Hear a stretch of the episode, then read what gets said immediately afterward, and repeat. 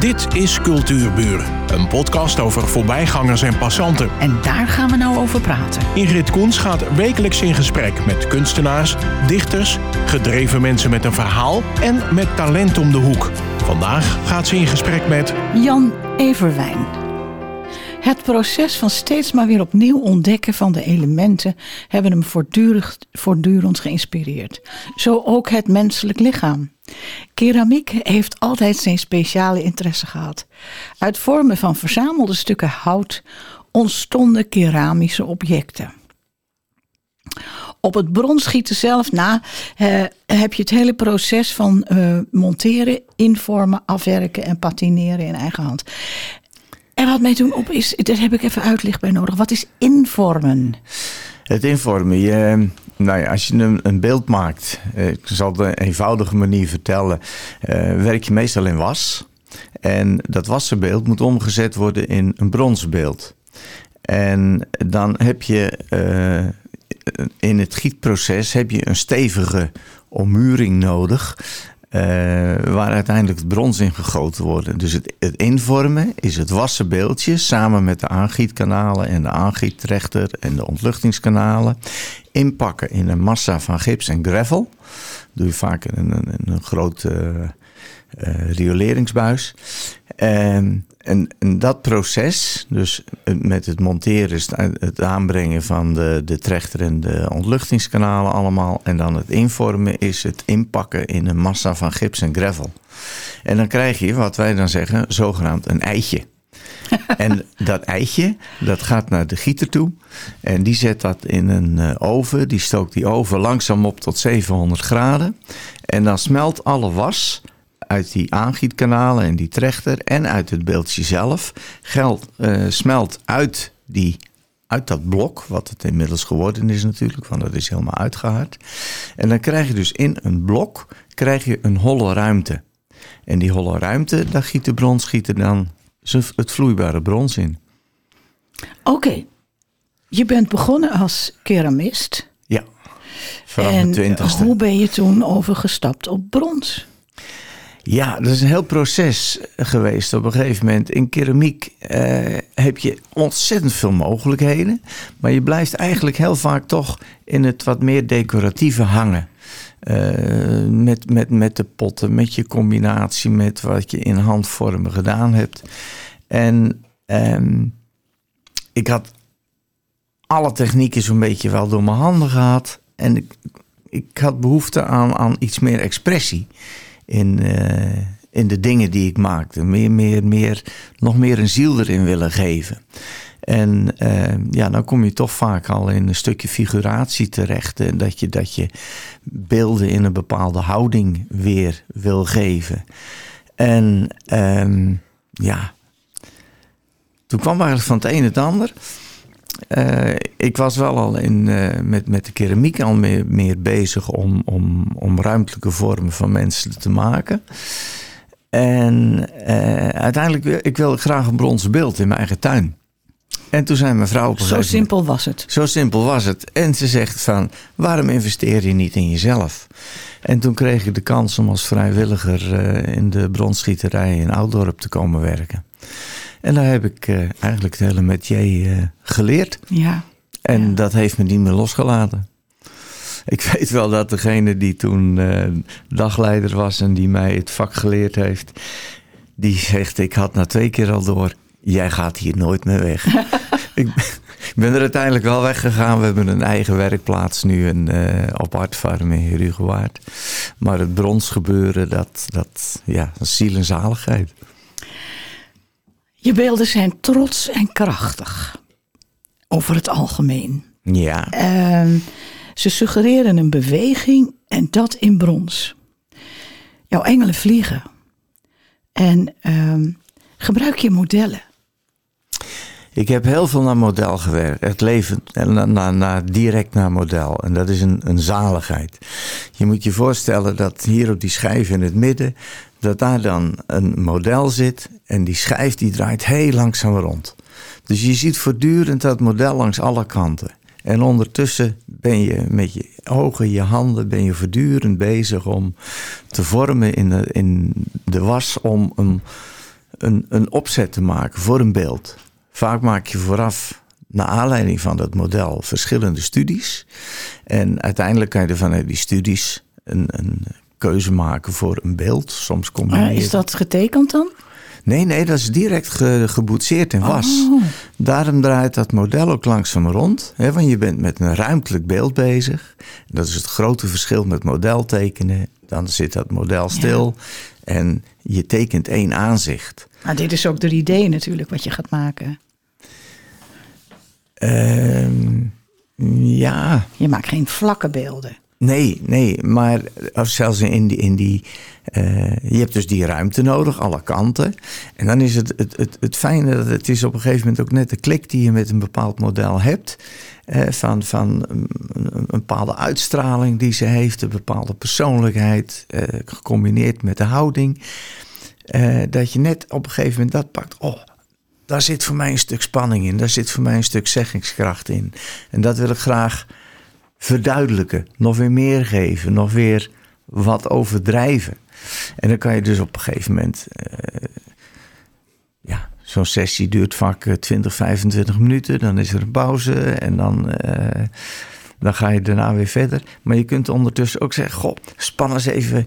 Ja, een bepaalde schouderpartij. Iets meer naar voren. Dat je iets meer power nog weer in je beeld kunt brengen, iets meer dynamiek in je beeld kunt brengen, dan er op dat moment alleen maar in de houding van het model zit. En ja, dat is een spel tussen, tussen modellenmaker en uiteindelijk ook eh, het spel van de, van de maker met het Zijn, beeld, zijn, zijn beeld wat je aan- materiaal. materiaal ja, zijn materiaal wat je aan ja. het maken bent. Ja, ja. ik, eh, ik werd persoonlijk getroffen door het beeld desire, oftewel verlangen. Eh, denk even met me mee. Dit is een beeld van een iets achteroverleunende vrouw. Haar gezicht gelukzalig naar de zon gericht. En van heel grof materiaal. Kun je ons daar iets meer over vertellen? Dat, is geen glimmend mooi Nee, dat, eh brons beeld. het is geen poppetje. Nee, en toch, het gezichtje ja, is een poppetje. ja, dat klopt. Het is heel mooi. Het, ehm, wat als een de rode draad eigenlijk door al mijn werk gelopen heeft, echt, is, is ook de fascinatie voor ehm, eh, natuurlijk materiaal gebruiken in je vormen. Ik, eh, ik maakte keramische vormen waarbij ik uitging van stukken hout die ik al vond in de natuur. Omdat daar dan een bepaalde beweging in zat, een bepaalde textuur.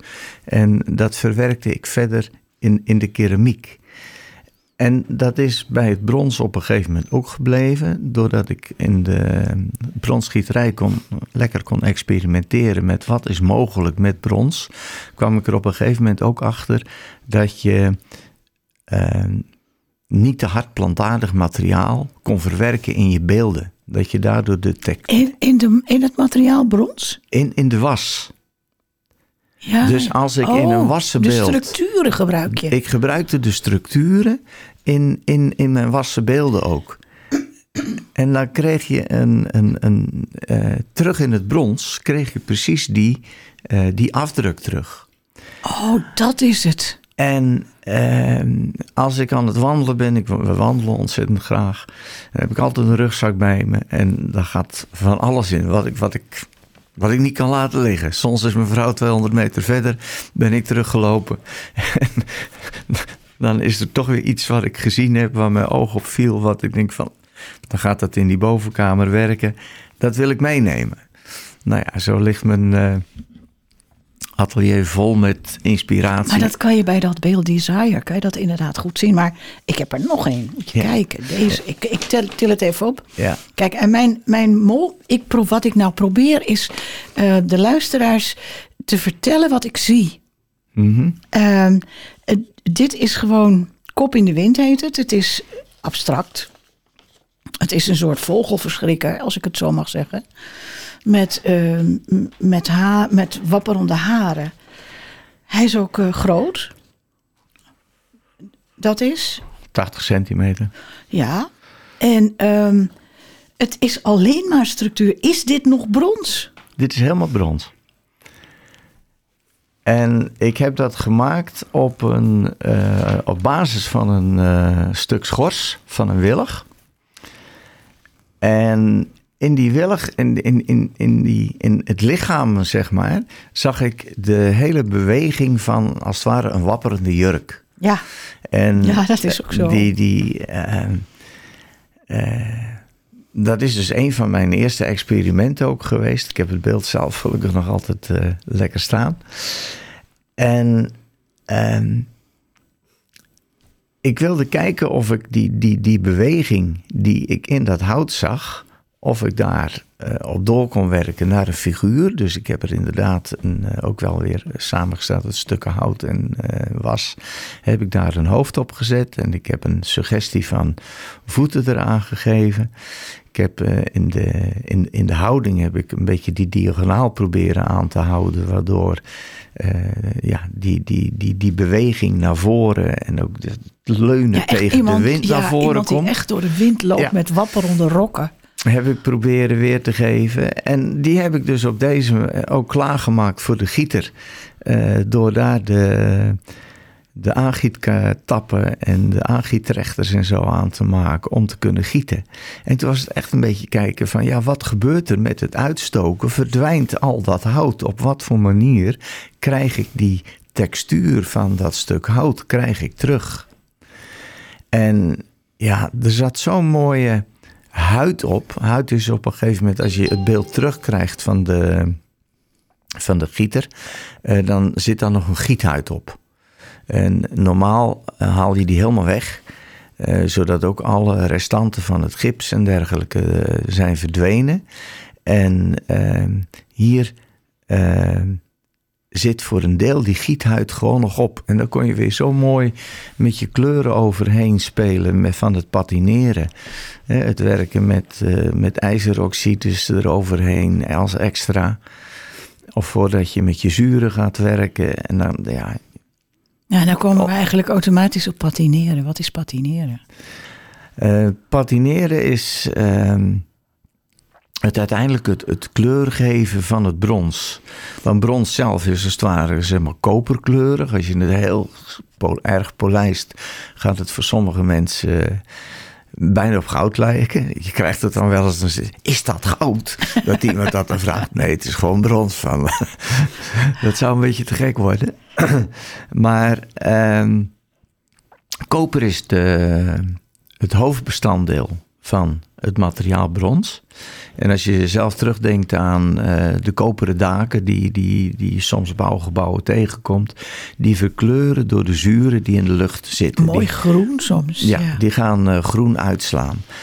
Dus eh, dat is een oxidatieproces. En bij het patineren versnel je dat oxidatieproces door middel van zuren en verhitting.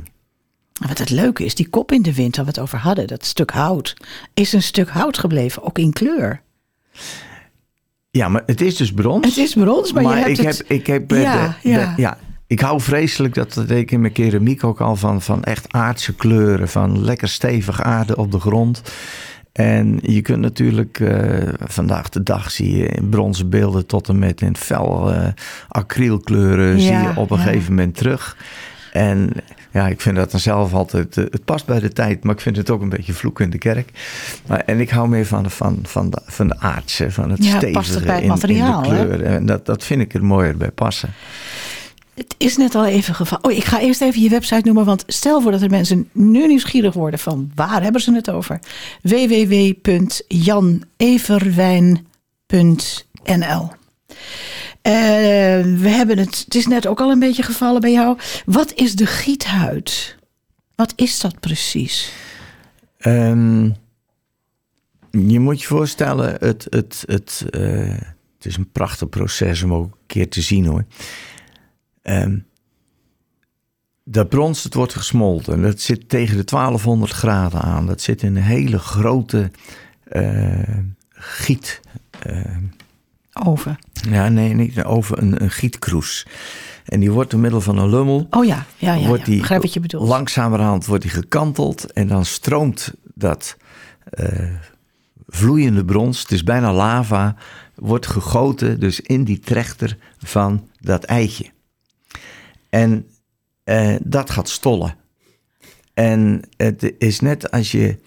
Je ziet nu bij, bij die, die, die uitbarstingen die je ziet van, van eh, op Java en Haiti zie je de, de, die, die, die vloeiende lava zie je stromen.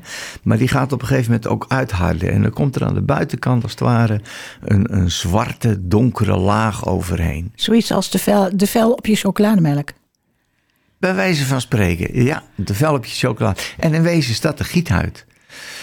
En ehm, doordat ehm, die, in dat stollingsproces die hitte en de kleuren van het materiaal reageert ook weer een beetje met, de, eh, met het gips en met de, met de gravel die in, die, in dat eitje zitten. Dus je krijgt daar een chemisch proces en die zorgt voor die giethuid. En die giethuid kunnen prachtige kleuren hebben. Dat kan van zwart zijn, dat kunnen rode in zitten, daar kunnen allerlei bruine tinten in zitten. Um, en kan je die gebruiken in je, in je creatie? En uh, dat is ook mijn reden dat ik na het gieten, dat is het enige wat de gieter voor mij doet, en hij haalt het gips nog weg. En de rest wil ik zelf bekijken in mijn beeld, wat kan ik ermee? Uh, want je kunt natuurlijk ook je beeld bij de, bij de gieterij helemaal laten zandstralen en helemaal laten afwerken en zo. Maar het, het zelf kunnen beslissen van met dat oppervlakte wil ik dat en dat doen. Ja, dat, dat hoort bij, voor mij bij het creatieve proces van uh, je bronzen beeld maken. En de verrassing natuurlijk. En de verrassing van wat krijg je ja. terug. Um, dat zijn de je cadeautjes. hebt ook een periode geschilderd. Ja, en als ik je nou met zoveel vuur over dat brons, letterlijk en figuurlijk over dat brons hoor vertellen, dan kan ik me dat haast niet voorstellen. Schilderen is dan zo Eh, 1D. Ja, dat klopt. Ehm ik moet even lachen. Hoezo? ik moet Vertel. ik moet terugdenken aan een, Laat ons meegenieten. aan een eh, uitspraak van een, eh, van, een, van een vriendin. Die ook schilderde. Ze zegt, als ik jou zie schilderen, dan ben je aan het worstelen. En als je ehm, met brons bezig bent... of als je met een ruimtelijk beeld bezig bent... ik zal het netjes zeggen... is het net of je naar de wc gaat. Een hond die zijn ontlasting kwijt is. Ja. Nee, als het ware van het, het, het, het, het, het vliegt eruit. Je, Ja. het, het, het- je handen doen, je, je, je ogen zien het en, en het ontstaat. Ja, daarom. En dus vanuit een vrijheid en een, een, een onbevangenheid En een passie, hè? en, en een passie. Nu het verhaal, Nou, zoals jij het vertelt, is het al heel passioneel. En dan, dan dacht ik, hij heeft geschilderd. Ja, en toch, ja, zit die passie voor beweging en dynamiek toch ook wel in het schilderen. Maar nogmaals, het is een, een, een, een, een worsteling. Meer. Ja, maar een prettige worsteling. Ja, dat blijft, anders deed het niet. Eh, even kijken. Ehm, ik ben helemaal niet eens aan mijn, aan mijn vragen. Ik kom niet eens aan mijn vragen toe. Want er komen zoveel vragen in me op als jij zo zit te vertellen. Gelezen op je website. In veel van mijn werk is er sprake van een zoektocht naar het combineren van natuurlijke en spontaan gevormde materialen. Al hakkends probeer ik mijn beeld en emotie uit het materiaal te bevrijden. Dat is zo tegenstrijdig wat daar staat. En over welke materialen hebben we het dan? Ja, als ik het over hakken heb, dan, eh, dan is het het werken in hout. Oh, daar hak je in. Ja, want niet in het brons. Dat is, ja... eh, brons is, eh, je noemde het zelf al, een beeld kopen is, is prijzig. Het is heel Ja. arbeidsintensief, het Helaas, materiaal is duur. Ja, Ja, dat, dat blijft altijd wel spelen. Ehm, maar Je zegt ik, heb, ik je- heb genoemd dus dat ik ook in, in, eh, in mijn keramiek en ook in mijn brons ook altijd hout gebruik. Ja, ja. En, en hout is voor mij ook een, een, een prachtig materiaal wat leeft. En soms kom ik hele grote stukken tegen. En daar zit dan voor mij iets in waarvan ik denk van... wauw, daar zit zoveel spanning, zoveel eh, beweging in. Daar wil ik een eigen vorm aan geven. En dan ga ik, dan, dan Dan ga gebruik- hakken. Dan ga ik hakken. ik heb zo'n idee dat de volgende fase beeldhouden is van jou. Steen, heb je daar wel eens aan gedacht? Eh, ja, ik maak ze nu dan een uitstapje in steen, maar het polijsten. Oh ja, ja, ja. dat ja. is. Ik dat is zie, niet ik mijn zie je gaan stralen. Dat is niet mijn ding. Het is. Voor een heleboel mensen is dat het zen-moment. Dat ze, als het beeld gehakt is, dat dan tot, het, tot in het, ja, het, het uiterste urenlang overheen kunnen wrijven om te polijsten.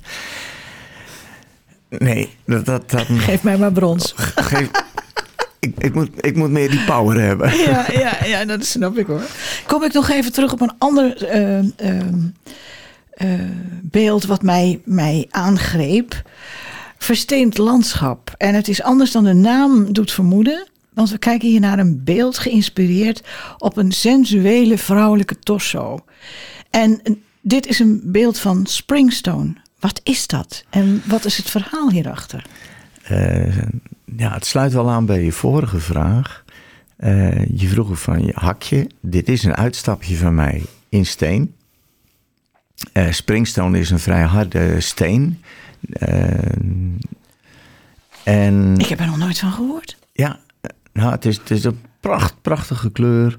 Ehm, zwart met, met, met een spikkeltje erin. En ik heb voor een deel heb ik de, de, de korst van, het, eh, van de steen nog gebruikt. Dat is een beetje meer dat, dat bruine, Ja, de rand die er Ik heb die dat even zat. Met een vergrootglas bekeken. Ik denk, heb je er nou hout in gekregen in dat brons? Nee, nee, nee. Maar het is dus een stenen beeld.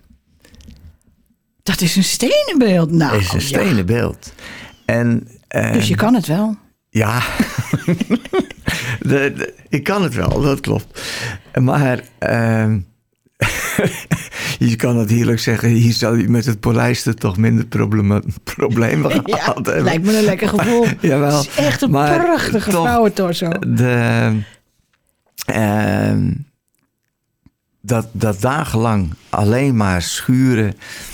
ehm, dan ben ik voor mezelf te weinig met vorm bezig. Als ik de vorm eruit gehakt heb en ik heb hem één keer geschuurd, dan ben ik voor mijn gevoel klaar. Maar de steen vraagt er dan om om gepolijst te worden.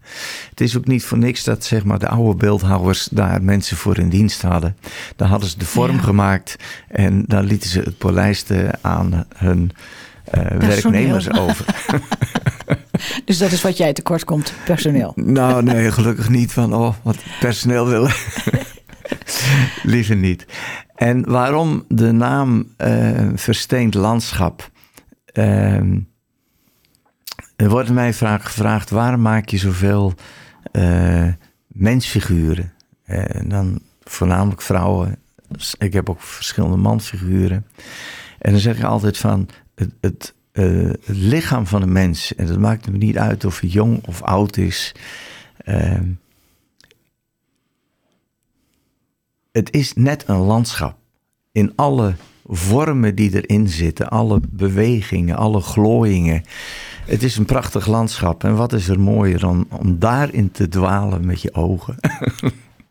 We kunnen het niet beter afsluiten als jij het vertelt. www.janeverwijn.nl En je hebt iets met de Artfarm, dus daar kunnen de mensen beelden zien. Ja. Oh, moet u zeker een keer doen. Het was mij een eer dat je hier was. En ik heb weer een stukje meer geleerd over bronschieten. Dank je wel. Dankjewel. Dit was Cultuurbuur, een podcast van Ingrid Koens en Streekstad Centraal. Bedankt voor de aandacht en tot de volgende Cultuurbuur.